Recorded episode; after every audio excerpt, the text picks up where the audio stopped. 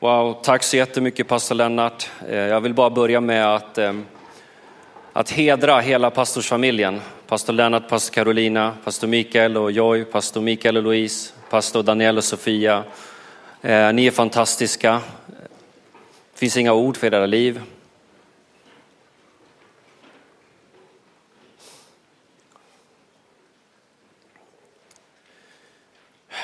Jag kommer gråta mer om den här predikan idag. Tack för era pastorskap, för att vi får följa er, att vi får stå under er. Och tack för förtroendet att få predika här idag. En Guds fruktan som jag står här. Och allt det som jag kommer dela från mitt liv, jag har bara följt er i det priset ni har betalat. Bara Gud vet det priset som ni har betalat. Så jag tycker vi ger våra kära pastorer och pastorsfamilj en stor applåd. Amen.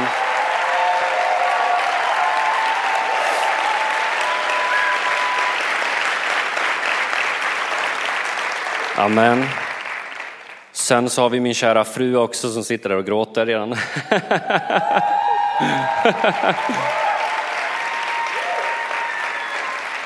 Hon är min bättre hälft, jag skulle inte vara någonting utan henne. Så jag tackar Gud för min, min kära hustru, min, min Sofie. Och barnen är faktiskt första gången på Wow Kids i Stockholm. Det, det är bara det är värt en applåd tycker jag.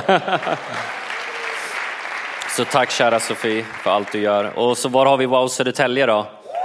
Har vi det? Amen. Tack för era liv, tack för era ödmjuka hjärtan och det är fantastiskt att vi gör det här tillsammans. Jag är så tacksam till Gud, för Gud för era liv. Amen. Så när jag fick förfrågan att predika idag så hade Gud redan lagt ett budskap på mitt hjärta. Jag har haft det burit det i någon månad nu och jag kände verkligen att det, det är som att det jag gör nu idag, det är bara en bekräftelse på det som har predikats här och det som kommer att predikas framöver här den här helgen. Och jag tror att Gud vill röra vid ditt hjärta djupare. Han vill ta dig in djupare in i hans närvaro och en djupare överlåtelse. Eh, och temat för den här konferensen är ju anointing to multiply. Och jag tror precis som det som vi har hört talas om det är att när vi, när vi ger oss mer till Gud, det är då smörjelsen kommer starkare. För det måste vara större än vad vi klarar av. Gud måste bli större och vi mindre. Och vi är smorda för att multipliceras, amen. Problemet är att vi ofta, vi går inte och får aldrig uppleva smörjelsen. Men det är dags att gå. Så jag vill dela ett budskap utifrån predikaren 3 och 1. Är ni med? Jag brukar säga vi är, på, vi är inte på begravning, vad är vi på? Vi är på ett bröllop. Amen. Ska vi jubla lite till innan vi kör? Amen. Så predikaren 3 står det så här, allt har sin tid. Det finns en tid för allt som sker under himlen. Allt har sin tid. Och Living Bible säger, there is a right time for everything. Det finns en tid för allt. Och jag ber att det här ordet ska planteras i varje hjärta idag, i Jesu namn. Amen. Vi läser om, om, om stunder och tider i Guds ord. Där vi, där vi har ett val, där vi, vi, vi kan bestämma oss för att antingen så ger jag mig till det här eller så gör jag det inte. Det finns en passage, en tid i våra liv och i församlingen. Och vi har ett val om vi vill möta de här tiderna, om vi går in i de här tiderna eller inte. Vi har Salomo här som skriver mer om det här och jag ska läsa från Predikaren 3 för er. Det står så här, allt har sin tid. Allt som sker under himlen har sin stund. Och så tar jag några, det kommer komma massa olika tider här. Födas har sin tid och dö har sin tid. Att plantera har sin tid och rycka upp det som har planterats har sin tid. Att dräpa har sin tid och att hela har sin tid.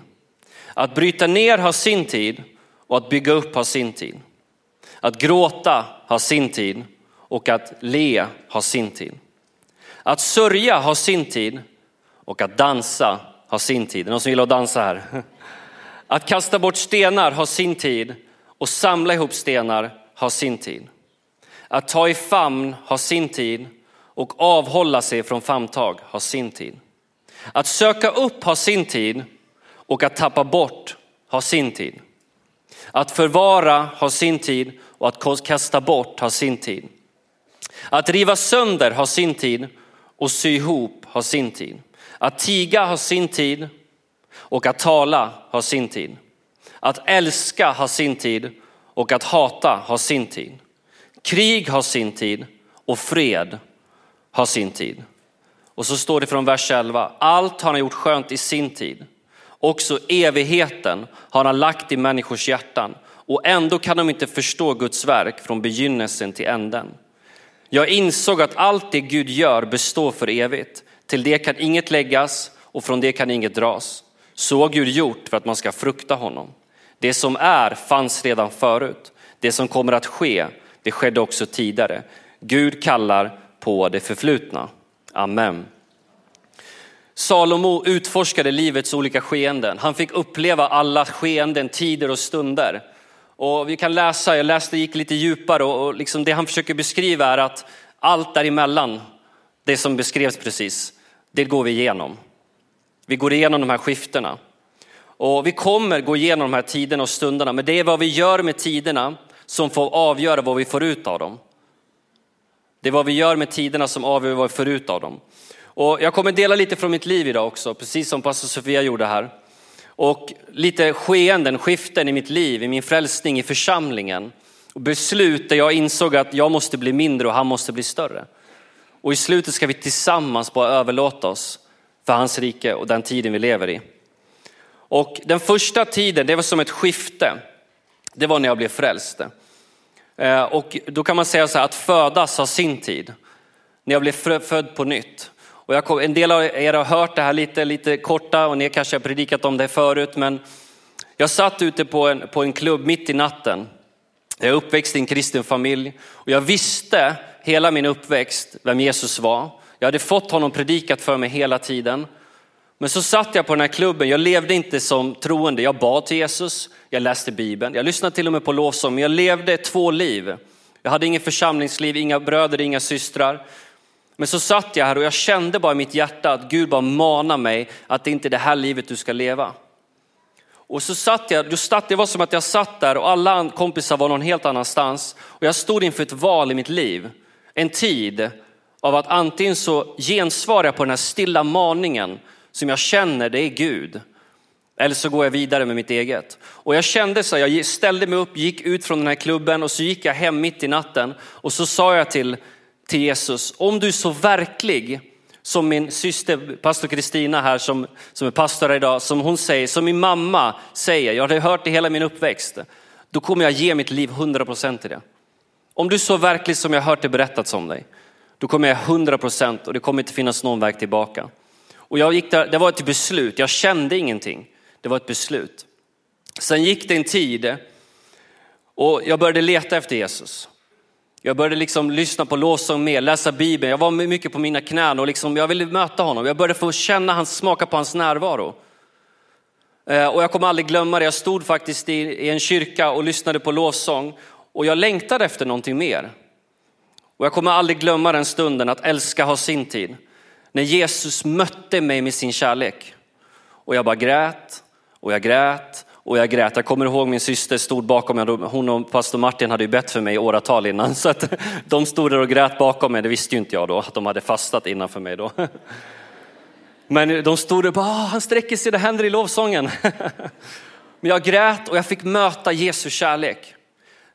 Och det var en tid i mitt liv, men jag stod inför ett val att ge mig till den kärleken eller att fortsätta leva mitt liv som vanligt. Och det var som att jag såg hela mitt liv flasha förbi den här stunden. Allt i mitt liv kom upp den här sekunden och jag kände som att nu står jag inför ett avgörande skifte i mitt liv. Antingen gör jag det här eller så gör jag inte det här. Jag fick möta hans kärlek och jag kan säga att Jesu kärlek den övergår allt annat. Du behöver inte leta i någonting annat. Varför letar vi andra saker? För vi har inte fått möta hans kärlek. För vi behöver inte det andra livet. När jag fick möta hans kärlek, då behövde inte jag det andra. Jag började skala bort sak efter sak, relationer, saker som var dåliga för mig för att jag hade fått möta någonting större, någonting bättre. Jag stod inför ett val, religion föll. Jag hade växt upp med alla bibelberättelserna. Jag kände inte Jesus och jag fick kliva in i någonting större. Allt handlar om Jesus. Häromdagen så bara, jag kom att tänka på det när jag satt här, häromdagen bara så, jag brukar gå runt, jag har inte världens vackraste röst men det låter nog bra i himlen. Så jag brukar sjunga ganska för mig själv, ingen lovsång, ingen Spotify. Det låter vackert hos Gud. Och jag bara sjunger och bara lovsjunger honom, alla lovsånger jag kommer på. För jag bara älskar honom. Jag älskar honom och det är nyckeln för varje beslut som du tar den här helgen. Du kanske inte fått möta hans kärlek och därför är det svårt att avgöra sig. Då behöver du möta hans kärlek den här helgen. Så att du kan avgöra dig och lämna de här sakerna. Det blir inte svårt då. Då kan du gå ner på dina knän varje dag och bara lovsjunga honom. Du blir förälskad i honom.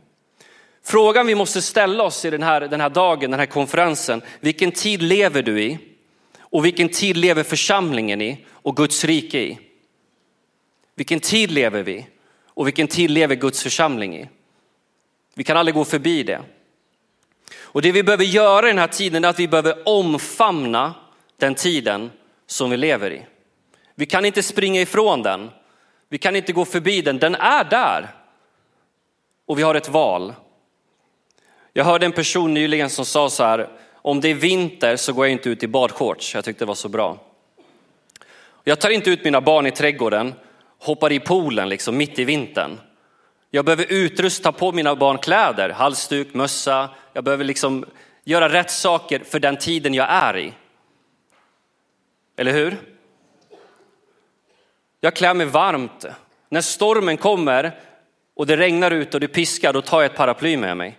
För jag vet att jag behöver det för att inte bli genomblöt.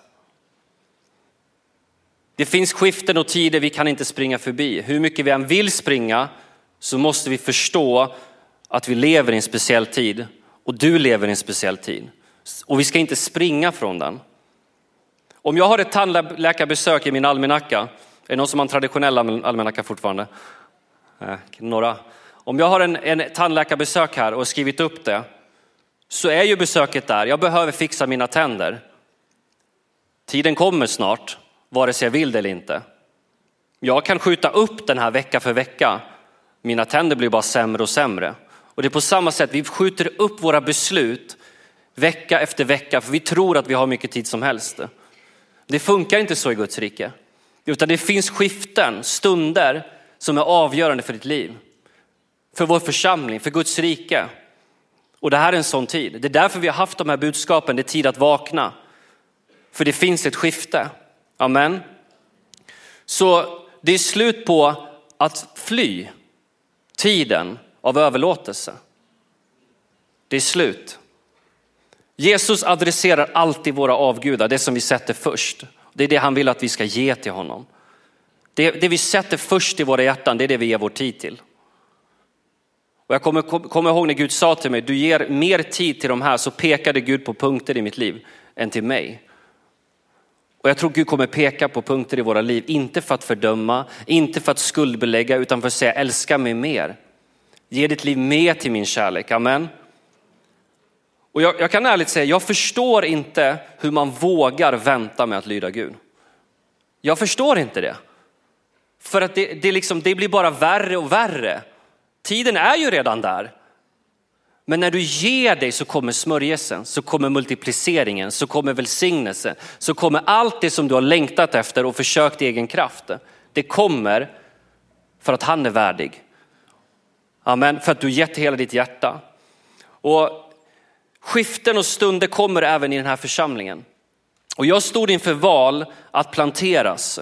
Att plantera har sin tid. Jag kommer, kommer aldrig glömma när jag kom in i församlingen här första gången. Jag gick liksom, de flesta sätter sig på läktaren i början, är det någon som känner igen sig? Jag gick in, jag var så hungrig på Gud. Jag hade mött Jesus, jag längtade efter en församling som var äkta och genuin. Som, som hade en plan och ett syfte, som visste vad de gjorde. Och som jag kände, det här, det här är på riktigt. Jag vill inte bara gå till en församling och sen gå hem och sen säga vi ses om en vecka. Jag vill göra det hela vägen. Så jag kommer ihåg, jag gick in här, jag var ganska nyfrälst, jag längtade efter Jesus, satte mig här långt ute och gissa vem som hälsade på mig första gången? Det var pastor José, tog tag i mig, han hade bråttom någonstans. och så tog han tag i mig och hälsade på mig och det var liksom första. Och jag bara kände när lovsången kom, det här kommer jag leva, här kommer jag dö. Här kommer jag i mitt hjärta, det här är min plats. Det är här Gud vill plantera mig. Och jag är sån som person att när jag gör det så gör jag det hela vägen.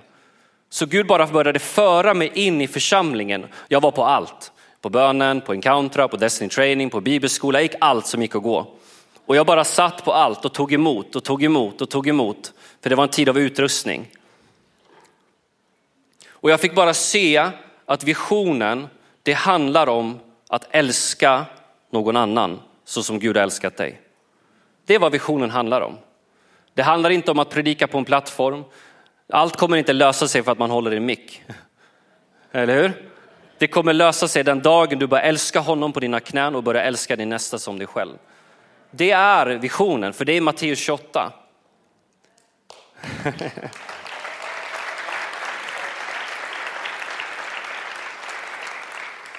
Och det är så intressant att på Sofia, det var som att många grejer, jag får hoppa lite för hon har samma bibelord och jag får ta, liksom, eh, men just Miami, samma resa var den resan jag över, liksom gav mitt liv och hjärta till visionen, till Guds församling. På samma resa, jag vet inte om det var 2008, 2009. Jag, jag liksom hade fått bibelord för mitt liv. Jag åkte till Miami och så var varenda predikan handlade om de bibelorden jag fått för mitt liv. Och jag bara sa, Gud du vill ha mig här. Gud jag vill planteras i den här församlingen. Jag vill göra det som den här församlingen gör. Det här pastorskapet gör, det vill jag stå under resten av mitt liv. Jag bestämde mig för att göra det som församlingen gör. Jag vill inte, jag vill inte göra Matteus 28 på mitt sätt. Jag vill göra Matteus 28 på församlingens sätt. Amen. Och det intressanta är då, tänk att man liksom har gått här i många år, vi har fått vara del av det här, fått stå med så underbara människor och så många ledare, pastorer, vänner och så säger Gud flytta till en annan stad. Jag sa jag kommer aldrig flytta från den här platsen. Men att rycka upp det som har planterats har sin tid. Det var en tid där Gud bara sa till mig och Sofie, liksom, ni ska gå. Och jag sa, jag kommer aldrig gå om inte våra pastorer känner att vi ska gå någonstans. Och så började de tala om att plantera församlingar. Och jag kommer aldrig glömma när vi, när vi fick höra staden Södertälje, man ska säga Södertälje ska man säga, inte Södertälje. Då är du avslöjad om du kommer därifrån. Så jag kommer aldrig glömma, Gud, undrar hur den helige ande sa till mig, Södertälje, så jag kommer inte ihåg. Men jag och Sofie, vi, vi bad om en stad. Jag sa vi kan skicka oss till Kiruna, du kan skicka oss var du vill Gud. Vi är villiga att gå, hur långt som helst. Och, och jag och Sofie liksom sitter på en wow-grupp och vi kommer aldrig glömma det, jag har delat det här förut. När Gud talar till oss på liksom samtidigt, exakt samtidigt på två olika håll på en varsin wow-grupp om att vi ska åka till Södertälje. Och, och, vi delar det för varandra sen, exakt samtidigt. Och jag bara, liksom, Södertälje för mig har varit en förbifart innan. Men det är en stad med nästan 100 000 människor, men med nästan 50, över 50 procent olika nationaliteter. Där människor längtar efter det sanna evangeliet och inte religion. Och det var en tid av att rycka upp. Och jag tror att du måste ställa dig den frågan också, för man kan bli bekväm i en stark miljö. Där man bara liksom sitter och någon annan kan göra det. Någon annan kan dra sladden, någon annan kan sträcka sig ut, någon annan kan starta wow-grupp. Det är hundra stycken andra som gör det. Gud vill att du ska plantera dig och sen när Gud för dig vidare att starta en wow-grupp eller tjäna eller kanske flytta ut den dagen om du har den kallelsen på ditt liv. Du måste våga. Så frågan du måste ställa dig, vilken tid lever du i? Omfamna den tiden och vilken tid är församlingen i? Och jag tänkte på det här, när vilken tid är vi i Guds rike? Är det någon som gillar fotboll här? några. Vi kollade på en, eh, vi säger jag då som kollade, eh, vi kollade på en VM-kvalmatch i veckan mellan Sverige och Tjeckien. Och jag satt och kollade på den här, det var förlängning. Det var andra förlängningskvarten. Och jag satt och tänkte på den här. Det enda jag tänkte på, det var att det var förlängning, det är den andra förlängningskvarten. Och jag ställer frågan, lever vi i den sista förlängningskvarten innan Jesus kommer tillbaka? Det var det enda jag tänkte på. Och när Sverige då gör 1-0 när det är 10 minuter kvar, det är ju Jesus som kommer snart tillbaka för att hämta sin brud, sin församling. Amen. Eller hur? Så vi måste komma, men jag tänkte på det jag satt där, jag bara, vi måste förstå att det är lätt att lyssna på budskap och att överlåta sig. Skillnaden, vad gör de tre veckor när det är du och Gud på dina knän? Står ditt beslut fast? i den andra förlängningskvarten. Det kommer inte komma en tredje förlängningskvart. Står ditt beslut fast att jag kommer tjäna honom, kosta vad det kosta vill. Det är så lätt att säga rätta saker, att be med en bön. Jag ber att Gud ska tala till dig. Det måste gå i praktisk handling. Det får inte bara vara våra ord längre. Och det är därför jag vill tala om din tiden du lever i, embrace it. För du kommer inte göra det din granne gör. Gud kanske talar något specifikt till just dig som du ska gå in i. För du, vi är olika skenen och skiften i våra liv. Bibeln talar om den smala vägen, precis som vi hörde innan. Och det står i Matteus 7 och 13 om den smala vägen. Det är en trång port, eftersom porten är bred, formbar och föränderlig och vägen som leder till fördärmet är rymlig. Så är det många som ständigt går in genom den porten. Alltså det står i kärnbibeln, det krävs ingen ansträngning för att leva på världens sätt. Det krävs ingen ansträngning att säga nej till Jesus. Men det krävs en ansträngning att säga ja till honom. För det kostar dig någonting, men det kommer vara värt det när smörjelsen kommer över dig. Det kommer vara värt det för du kommer lita på honom mer och mer och mer hela tiden. Han blir större och större och större och du och jag vi blir mindre och mindre och mindre och vi förstår att det handlar ingenting om oss. Det handlar bara om honom. Så vilken säsong lever vi? Vi kan inte stå i vägen för den tiden som Gud lever i. Vi kan inte stå i vägen för den tid som han vill göra i våra hjärtan. Vi står idag, vad jag tror, öga mot öga med den tiden som vi lever i. Och vi har ett beslut att fatta. Antingen så går du från den här konferensen, wow vilka starka predikningar, vilken härlig lovsång, jag gick ner på mina knän, jag bad med. Och så går du härifrån och lever på som vanligt. Eller så går du härifrån och fattar heliga beslut som håller i evigheten. Gud vill att du ska gå djupare idag. Det finns skiften vad jag tror, det finns smala passager i andevärlden där Gud säger det är tid nu. Nu är tiden, den andra förlängningskvarten, att göra det som du inte har gjort innan. Och du säger, hur ska det gå till? Den smörjelsen, den heliga ande kommer över dig, ska du få kraft att bli hans vittne i hela Sverige, Europa och världen. Amen. Det finns ett skifte. Och vi går, tänk att Jesus kommer snart tillbaka och vi ska hålla den största måltiden. Men Jesus vill hålla måltid med dig här varje dag. Och jag tänker bara sammanfatta det som pastor Sofia delar från Lukas 14, 15, 24 om den stora måltiden. Alla de här ursäkterna vi läste om, ursäkt efter ursäkt, varför kan jag inte tjäna Gud? Det håller inte i den sista tiden. Det håller inte den sista tiden. De här tre ursäkterna, jag läser inte det här bibelordet, vi går vidare. Det handlar om ägodelar, arbete och familj. Och vad är det som gör att vi inte vågar gå? Det är alltid ägodelar, arbete och familj. Det är alltid våra ursäkter som hindrar oss. Och översättning är, jag orkar inte gå till kyrkan på söndag för jag måste jobba. När vi är i den andra förlängningskvarten. Jag sitter hemma och kollar på Melodifestivalen när ungdomar blir frälsta och jag borde ta hand om dem. Är ni med? Det är inte tid att sitta och kolla på Melodifestivalen. Det är tid att ta hand om skörden.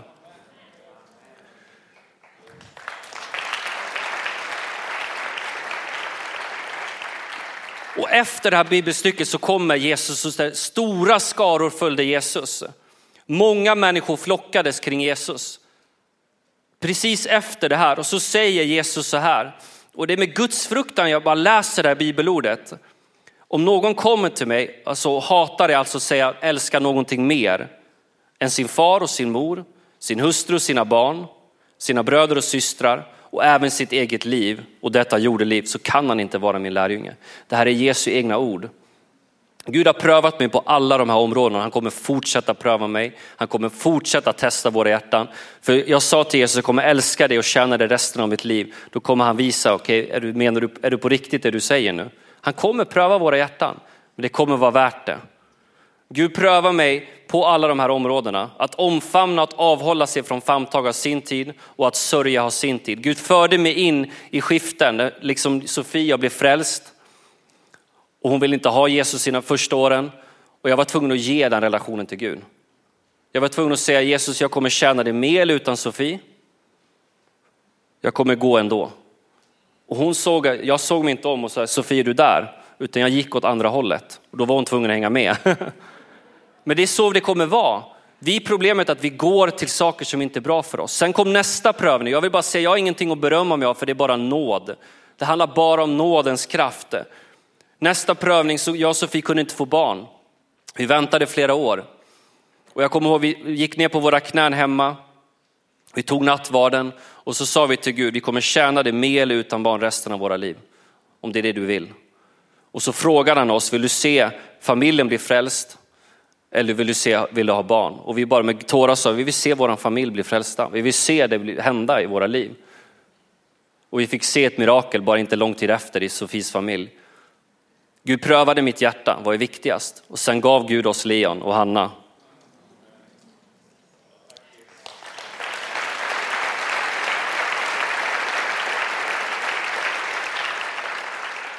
Att dö har sin tid. Jag var tvungen att dö från mina begär, det jag tyckte, det jag ville ha, det jag tyckte var viktigt. Att sörja har sin tid. Jag har fått gå igenom sorg. Jag vet att många har fått gå igenom sorg. Pastorsfamiljen, vi har fått gå igenom sorg. Att sörja har sin tid och jag var tvungen att omfamna sorgen och ge min sorg till Gud. Jag kommer ihåg vi hade vår första encounter i Södertälje och den helgen skulle jag alltså leda hela encountern och predika på söndagen och just den helgen var min mamma på, låg på dödsbädden. Men Gud sa du måste vara på plats för att om du inte är på plats kommer din församling inte bryta igenom. Jag var tvungen att ställa mig där och pendla från fram och tillbaka till sjukhuset. För jag var tvungen att ge mig till någonting annat som är större än mig själv. För jag äger inte mitt liv. Vi äger inte våra liv. Att sörja har sin tid och jag kommer aldrig glömma på en pastors weekend så kände jag behöver helande från det jag gått igenom och pastor Lennart bad att det finns helande och jag kände hur Gud helade mitt hjärta. Men jag var tvungen att ge min sorg till Jesus och låta honom hela mig. Jag vaknade på nätterna med smärta i flera månader, men när jag gav sorgen till Jesus så tog han bort det på en sekund. Min fråga till dig idag, vill du idag gå djupare? Det är min fråga till dig. I ditt liv, i din familj, i församlingen, i visionen, i din wow-grupp. Vill du multiplicera dig? Vill du gå in i någonting nytt? Oavsett vilken säsong du är i vill Jesus hela dig, han vill läka dig, han vill upprätta dig, han vill använda dig. Och han, när du överlåter dig mer, du kan tjäna honom mitt i det du går igenom. För du kommer aldrig få ett perfekt tid att tjäna honom, det kommer inte komma. Alla, vi, alla här inne skulle kunna räcka upp handen, jag går igenom det här, du skulle kunna säga någonting. Så de ursäkterna bara faller idag och Gud hjälper dig när du ger det till honom. Gud delar inte hela planen. Han visar inte alla steg du ska ta. Han säger bara ge det här området till mig. Flytta till den staden. Hjälp den personen. Öppna ditt hem för en wow-grupp. Han bara visar det steg för steg som du ska göra. Noa visste inte hur lång tid arken skulle ta att bygga. Gud sa bara bygg. Och jag tror att det, det är tid att gå djupare.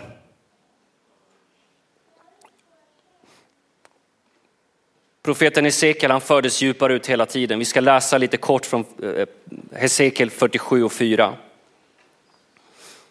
Och jag tror att det är det här vi måste förstå nu i den här tiden vi lever i.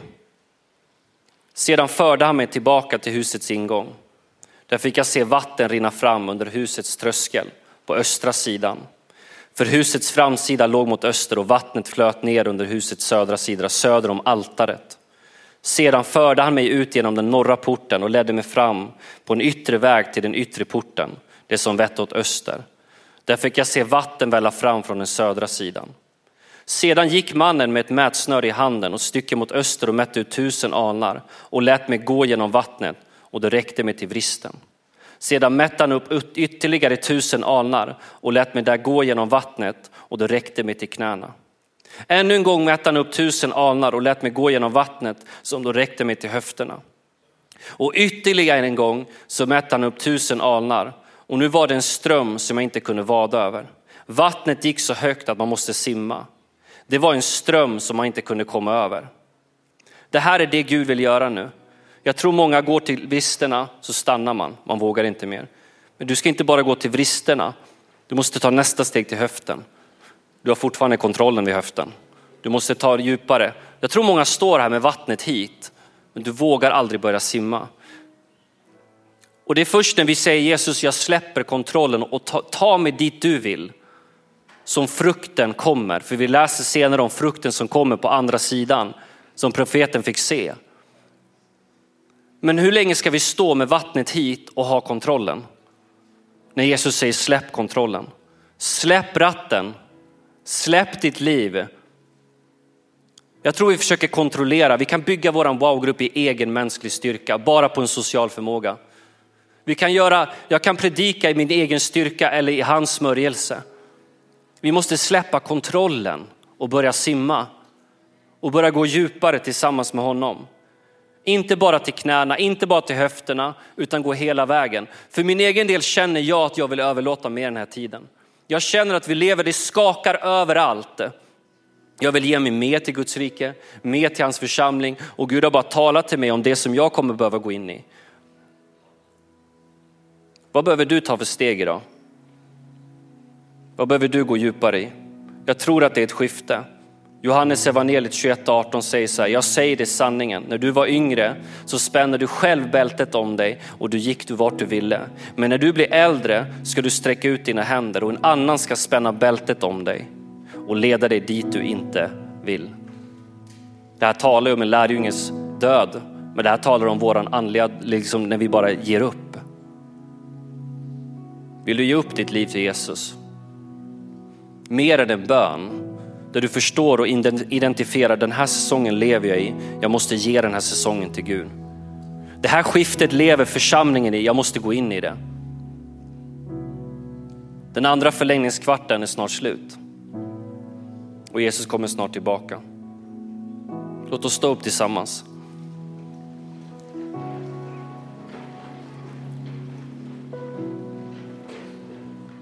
Vet ni att vi har stift som väntar på män och kvinnor?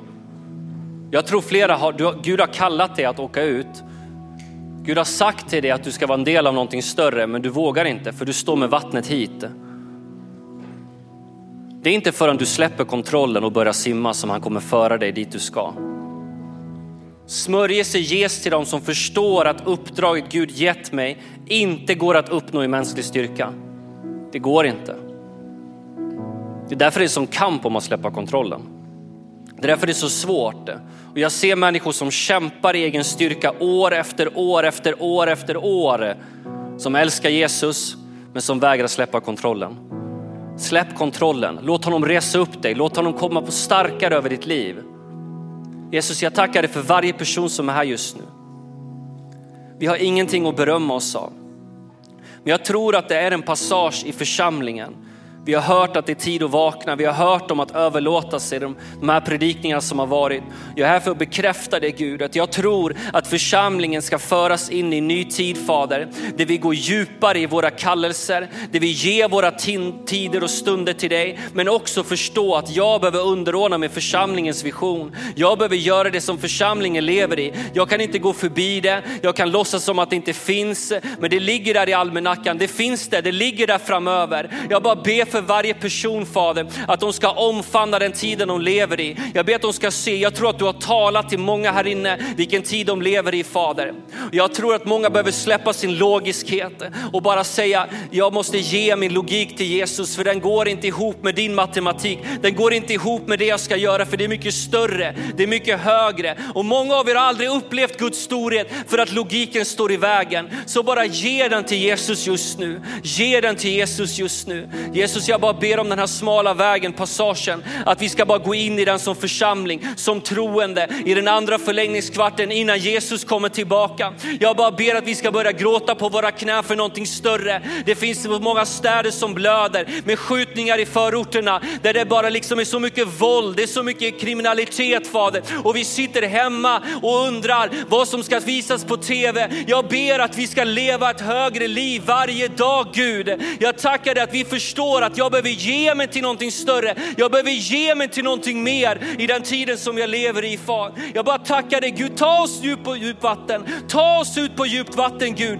För oss till platser som vi kanske inte trodde, som vi kanske inte ville Gud. Men jag tackar dig Gud att det är en tid av överlåtelse. Det är en tid av att gå djupare. Det är en tid av att säga ja. Det är en tid av att släppa kontrollen. Jesus, jag bara ber att du, du kan bara lägga handen på ditt hjärta kan bara säga Jesus, ransaka mitt hjärta. Saker som jag sätter före dig. Jag ger det till dig. Så bara nämn saker som Gud har visat just Bara nämn det till honom just nu. Be honom om förlåtelse. Och så bara säg till Jesus vilken tid du lever i. Jesus, du hör varje person just nu. Du hör varje person Fader, vart de är i sina liv just nu. Du manar dem att gå djupare, att ge den tiden till dig Gud. Att ge den tiden till dig Gud. Att ge den tiden till dig Gud. Jesus, ta oss ut på djupt vatten. Ta oss in djupare i visionen, in i församlingen Gud. Jesus, kom med förkrosselse. Kom med förkrosselse Gud. Jag bara ber att alla ursäkter för att inte tjäna dig faller just nu. Alla ursäkter till att falla, faller just nu. Jag vet inte vad ni känner, men jag lyssnar på pastor Lennart, jag lyssnar på pastor Sofia och jag bara känner så här, det, vi inte, det jag känner att det var som att det mynnar ut i den här och ikväll kommer det bli starkare och imorgon kommer det bli ännu starkare. Men jag kommer gå ner på mina knän nu. Om du vill gå ner på dina knän utifrån allt det som har predikats de här, de här, de här predikningarna, så ska du gå ner på dina knän för att säga, jag ger dig mitt liv. Jag ger dig mitt liv. Jesus, vi går ner på våra knän som ett tecken på det som har talats ut från den här plattformen den här helgen hittills och det som kommer att komma. Att böja sina knän Jesus, det är att säga, jag ger upp. Jag vill gå in i den smala vägen. Jag vill betala priset, kosta vad det kosta vill. Jag vill inte leva för mig själv, jag vill inte leva för min vardag och det som logiken som säger för stunden. Utan jag vill leva för dig Jesus, jag vill leva för ditt rike Jesus. Jag bara ber, du bara ropa från ditt hjärta. Jag bara ber att du ska börja ropa din egen bön just nu. Ropa från ditt hjärta vad som finns där. Jag kan inte sätta ord på din överlåtelse. Ingen tvingar dig till något utan det måste komma från ditt hjärta. Utifrån allt du har hört den här helgen, alla de predikningar och det som kommer förbereder du ditt hjärta för när du ropar just nu. Jesus, hör vår bön Gud. Hör vår bön, hör vår överlåtelse. Vi böjer våra hjärtan inför dig. Vi har ingenting att berömma oss av. Det finns tider av att sörja, tider av att dansa. Det finns olika stunder och tider och skiften. Men det största skiftet det kommer att du kommer snart tillbaka. Profeten Samuel, han bara, Salomo kom fram till en slutsats att evigheten är nedlagt i varje människas hjärta och en dag ska vi stå inför dig Jesus och göra räkenskap för våra liv. Det är slutsatsen när allt har blivit hört. Det är slutsatsen Jesus när allting har sin tid, när han har bara ransakat och utforskat stunder och tider så kommer han fram till en sak att evigheten väntar varje person oavsett vilken tid man lever i idag. Och vi vill leva för evigheten Gud. Jag bara ber förlöser en smörjelse över församlingen av att ge sig mer till ditt rike, mer till din församling. Att gå på den smala vägen. Bara sträck dina händer där du är. Ta emot en ny smörjelse just nu, en ny kraft. Ta emot nåd att gå på vägar som du inte har orkat gå på förut. Att fatta beslut som du aldrig kunnat fatta förut. Ta emot nådens kraft. Ta emot smörjelse för multiplicering. Smörjelse för multiplicering. Vi bara böjer våra hjärtan Jesus och vi ger våra hjärtan till dig. Vi ger våra liv till dig Jesus. Vi bara är vid altaret just nu. Profeten Esekiel var vid altaret och där förde du honom djupare. Du för din församling djupare Gud. Så jag bara kliver åt sidan, vi kliver åt sidan för allting handlar om Jesus och vad du vill göra i den här tiden. Vi behöver dig Jesus, vi behöver dig Jesus. Jag ber om nåd över mitt liv och över församlingen Gud. Du kan bara säga Jesus, jag ger mina tider och mina stunder, mitt liv till dig. Och jag överlåter mig till församlingen och församlingens tider, till visionen, till Matteus 28. Att gå ut och göra alla folk till lärjungar. Att döpa dem i Faderns, Sonens och den helige Andes namn. Och lära dem allt i Jesu namn. I Jesu namn. Jag tackar dig att du har hört vår bön Gud. Vi har böjt våra hjärtan Fader, inte som ett känslomässigt resultat av en predikan, utan jag ber att beslut ska ha fattats här inne. Som multiplicerar sig ut där de går fram Fader.